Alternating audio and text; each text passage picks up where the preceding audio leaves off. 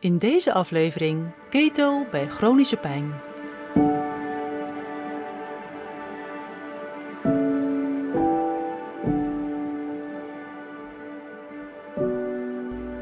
Welkom bij weer een nieuwe aflevering van de Keto Podcast, nummer 49 alweer. Ik heb even vakantie gehad en bruis weer van de nieuwe plannen en inspiratie, dus ik ga er weer vol energie mee aan de slag. In deze aflevering gaan we eens kijken naar het nut van een ketogeen voedingspatroon en ketonen bij chronische pijn. Ik heb daar als eerder een blogartikel over geschreven en ik vind het een interessant onderwerp om daar nog eens aandacht aan te besteden in de podcast. Chronische pijn komt veel meer voor dan we ons realiseren. Uit een groot Europees onderzoek blijkt dat 1 op de 5 mensen lijdt aan chronische pijn. In Nederland alleen al zijn dat dan ruim 3 miljoen mensen. En de meeste van ons kennen wel iemand die vaak pijn ervaart en daardoor een verminderde kwaliteit van leven heeft. Chronische pijn kan zelfs bijdragen aan het ontwikkelen van angststoornissen of depressie. En patiënten met chronische pijn krijgen over het algemeen allerlei medicijnen om de pijn te dempen en vaak hebben die medicijnen weer allerlei vervelende bijwerkingen. Het langdurig gebruik van pijnmedicatie en vooral de verkeerde medicatie of te veel medicatie kan tot gevolg hebben dat er sensitisatie van de pijn optreedt en dit verergert de pijn alleen nog maar verder. Het zou mooi zijn als er een manier is die het probleem in de basis ondersteunt in plaats van het probeert te overroelen. En dit zou de Keto Podcast niet zijn als we hierin dus geen aandacht besteden aan of er een rol is weggelegd voor ketose en ketonen in het verminderen van chronische pijn. Alvast een disclaimer vooraf. De inhoud van deze podcast is informatief bedoeld en kan geen zins beschouwd worden als medisch advies. Ik ben geen arts en geef ook geen medisch advies. Ik denk ook zeker niet dat wat ik vandaag hier bespreek compleet is of voor iedereen hetzelfde is. Het onderwerp pijn is heel breed en heeft vele verschillende oorzaken en moet ook altijd in een bepaalde context geplaatst worden. Ik beweer niet dat ketogene voeding voor iedereen effectief zal zijn of dat de enige grote allesomvattende oplossing voor iedereen is, maar het kan een deel zijn van verbetering van je gezondheid en daarmee je klachten doen verminderen. Mijn doel met deze podcast is het delen van informatie over dit onderwerp en je de weg te wijzen zodat je er zelf mee verder kunt en het eventueel kunt bespreken met je arts of behandelaar. Kortom, genoeg stof voor een boeiende aflevering. Wat is pijn eigenlijk? Als je gaat zoeken in het woordenboek wordt het beschreven als een onaangename sensorische of emotionele ervaring verbonden met werkelijke of potentiële weefselbeschadiging. Nou, dat klinkt heel erg um, um, ja, bland, heel erg uh, vlak, maar we weten allemaal dat pijn veel heftiger is dan dat. Pijn is een soort waarschuwingssignaal van het lichaam op een veel te sterke prikkel. Het kan worden veroorzaakt door een te sterke hitte of juist te sterke kou, of door beschadiging van weefsels of door een ontstekingsreactie. Een pijnzenuw wordt dan geprikkeld en geeft het signaal door naar het ruggenmerg en vervolgens naar de hersenen. En de hersenen worden zich dan bewust van de pijnprikkel. Je kunt onderscheid maken tussen een kortdurende pijnprikkel of een langdurende pijnprikkel. Een kortdurende pijnprikkel, zoals bij een verwonding, ook wel acute pijn genoemd of nociceptieve pijn. Het kan licht zijn of zwaar. Uh, het kan een knellende schoen zijn of je stoot je tegen een deur, maar het kan ook veel ernstiger zijn. Als de wond zich herstelt of, of al hersteld is, dan is de pijnprikkel ook meestal weer voorbij. Dus stel je snijdt in je vinger, dan is er acute pijn. En als de wond begint te helen, dan is de acute pijn al veel minder en zal de plek misschien nog wel een tijdje gevoelig zijn. Maar als de wond eenmaal is hersteld, dan is de pijn alweer weg en trekt ook de gevoeligheid weg. Is er nou sprake van een hele zware verwonding, dan zal het herstel langer duren, de pijn heviger, maar ook langer zijn. En er is kans dat het weefsel zo ernstig beschadigd is dat er een mate van pijn blijft bestaan. Dan spreken we van een langdurende pijnprikkel, pijnprikkel of zelfs van chronische pijn. Dit ontstaat niet alleen door een verwonding, maar kan ook ontstaan door een ontstekingsreactie in het lichaam veroorzaakt door een virus, een bacterie of door een andere trigger die het immuunsysteem activeert en inflammatie oproept. Inflammatie is een ander woord voor ontsteking en heeft een functie in het lichaam.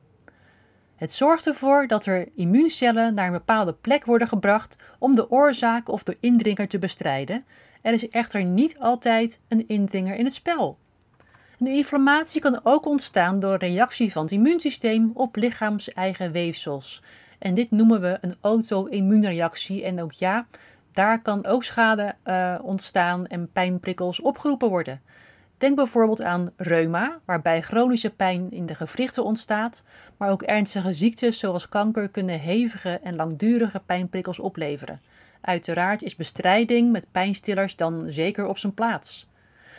Er zijn heel veel soorten pijn, er zijn ook heel veel namen voor die pijnen, maar grofweg kunnen we de chronische pijn in twee soorten verdelen: ontstekingspijn en neuropathische pijn.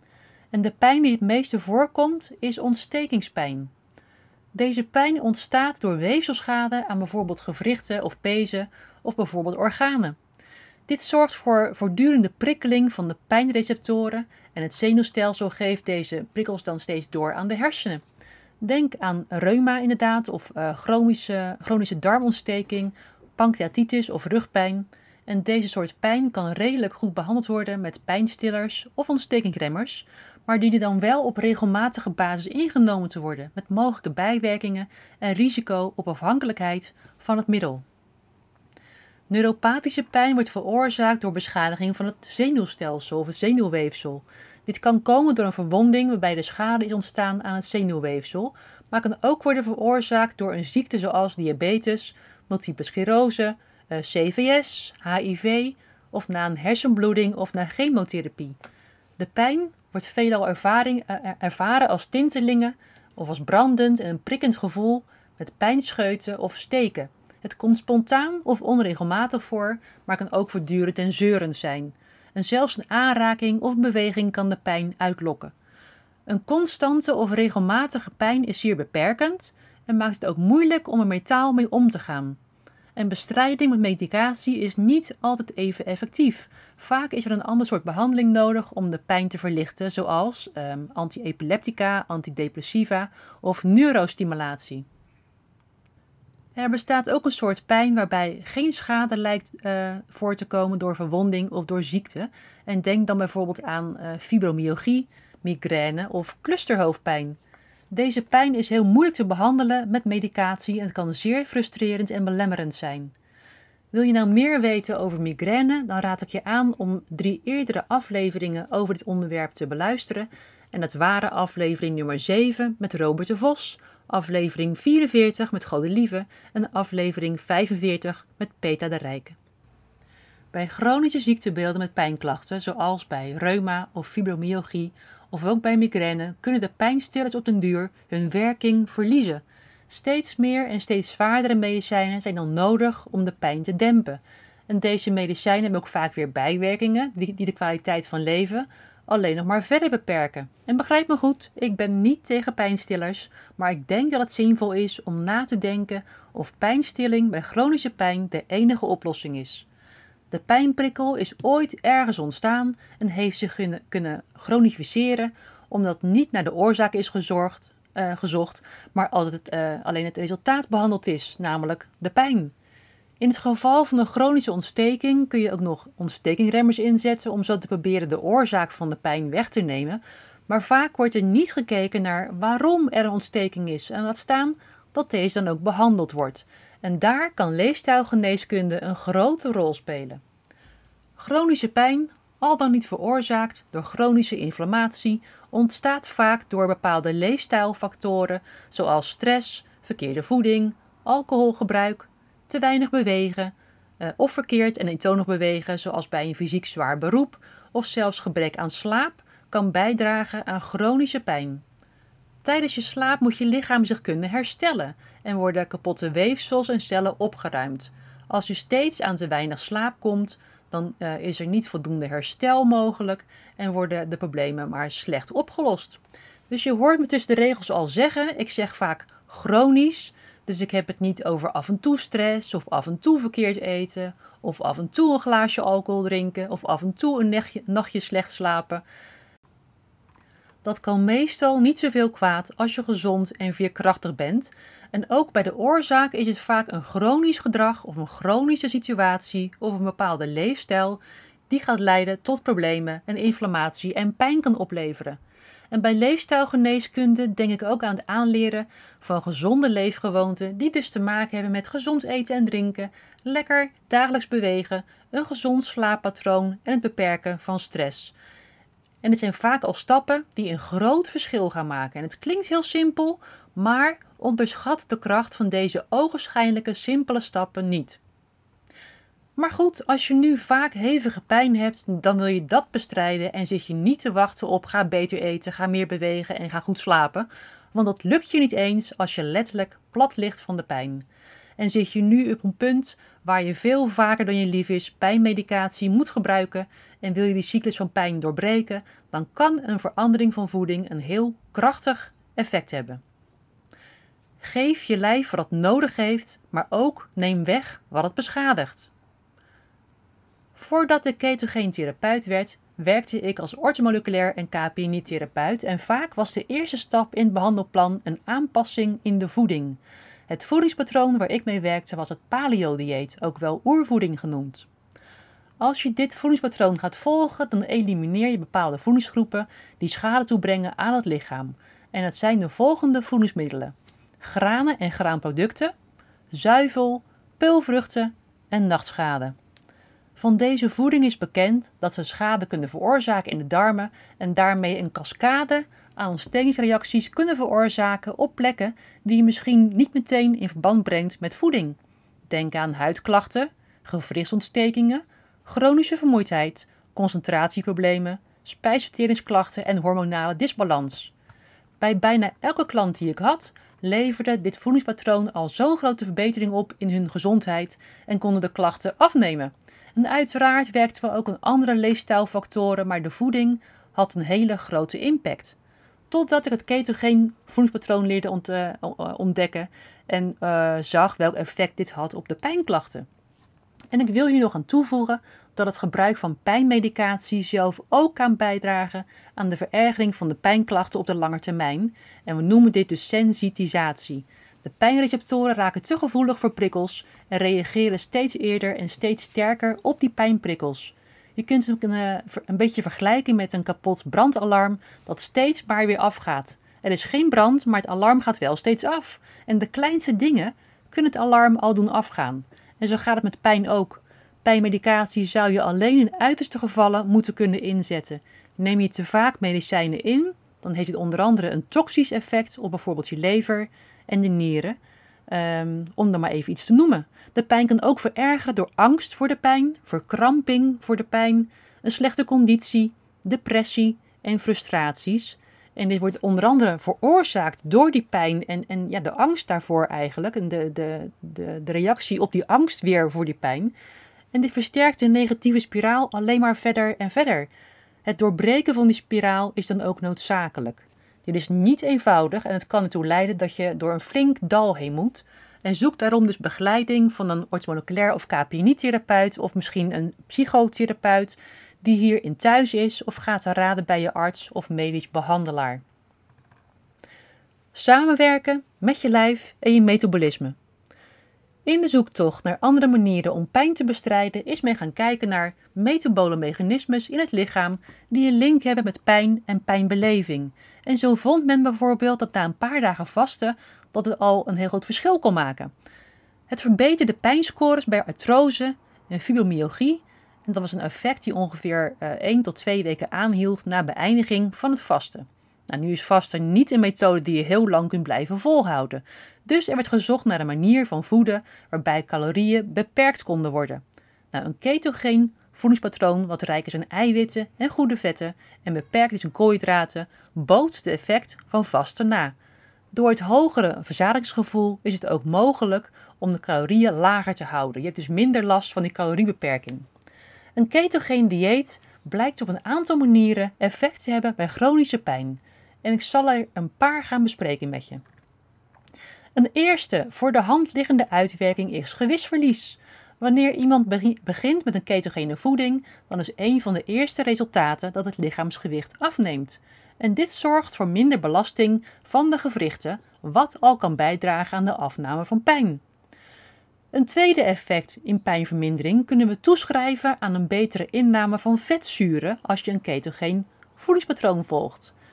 En dit gaat een, eh, een beetje een technisch en diepgaand stuk worden, maar blijf even bij me. Um, het, het wijst zich vanzelf. Over het algemeen is ketogene voeding rijker aan meervoudig onverzadigde vetzuren dan een standaard westers voedingspatroon. En het blijkt dat deze vetten als agonist of als activator werken op PPAR. En PPAR is een receptor die betrokken is bij de pijnzin, bij de nociceptie. Wanneer deze receptoren geactiveerd worden, dan wordt de pijn verminderd, zowel bij ontstekingspijn als neuropathische pijn. En sommige meervoudige onverzadigde vetzuren blokkeren pijn dus door activatie van de warmtegevoelige receptor, ook wel genaamd Transient Receptor Potential Vanilloid 1, oftewel TRPV1, ook wel de capsaicine receptor genoemd. Nou, niet schrikken van al die moeilijke namen, maar misschien herken je wel capsaicine. Deze receptor komt voor op pijnzenuwen en speelt een rol bij de verwerking van pijnprikkels. Wanneer deze actief is, neemt de, gevoel, neemt de gevoeligheid voor pijnprikkels af. En misschien heb je wel eens gehoord van capsaicinecrème of capsaicinepleisters. Deze worden nog wel eens voorgeschreven bij zenuwpijn of reumatische pijn, artrose en zelfs bij chronische jeuk. Capsaicine is een stof die in rode pepers zit en die het zo heet maakt. Wanneer je dit met een crème of een pleister op de huid aanbrengt, maakt het de huid gevoelloos en remt het de pijnprikkels. Het nadeel is echter dat het middel zelf ook irriterend werkt en een branderige rode huid kan veroorzaken. Heel vaak moet je hier eerst even doorheen, na een week of twee uh, verdwijnt deze reactie. Een voedingspatroon wat rijk is aan meervoudig onverzadigde vetzuren kan pijn van binnenuit verlichten zonder die branderige, pijnlijke plekken. Een ander effect van vetten in de voeding is de activatie van de receptor GPR40 door vrije lange keten vetzuren. Hierdoor wordt zowel ontstekingspijn als neuropathische pijn verminderd.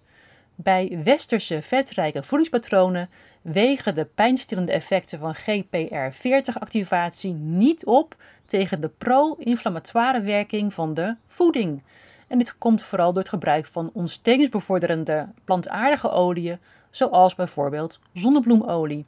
Het is daarom van groot belang om alleen gezonde vetten te gebruiken, zoals olijfolie, kokosolie, ghee en roomboter. Een derde interessant punt van een ketogeen voedingspatroon is dat de insulineresistentie en hyperinsulinemie afnemen door de strikte beperking van de koolhydraten.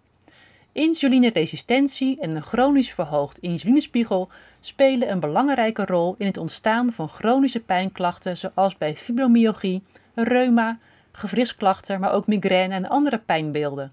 Het is een bekend gegeven dat patiënten met diabetes type 2 aangetaste zenuwen kunnen krijgen en het komt niet zozeer door de suikers als wel door de insuline.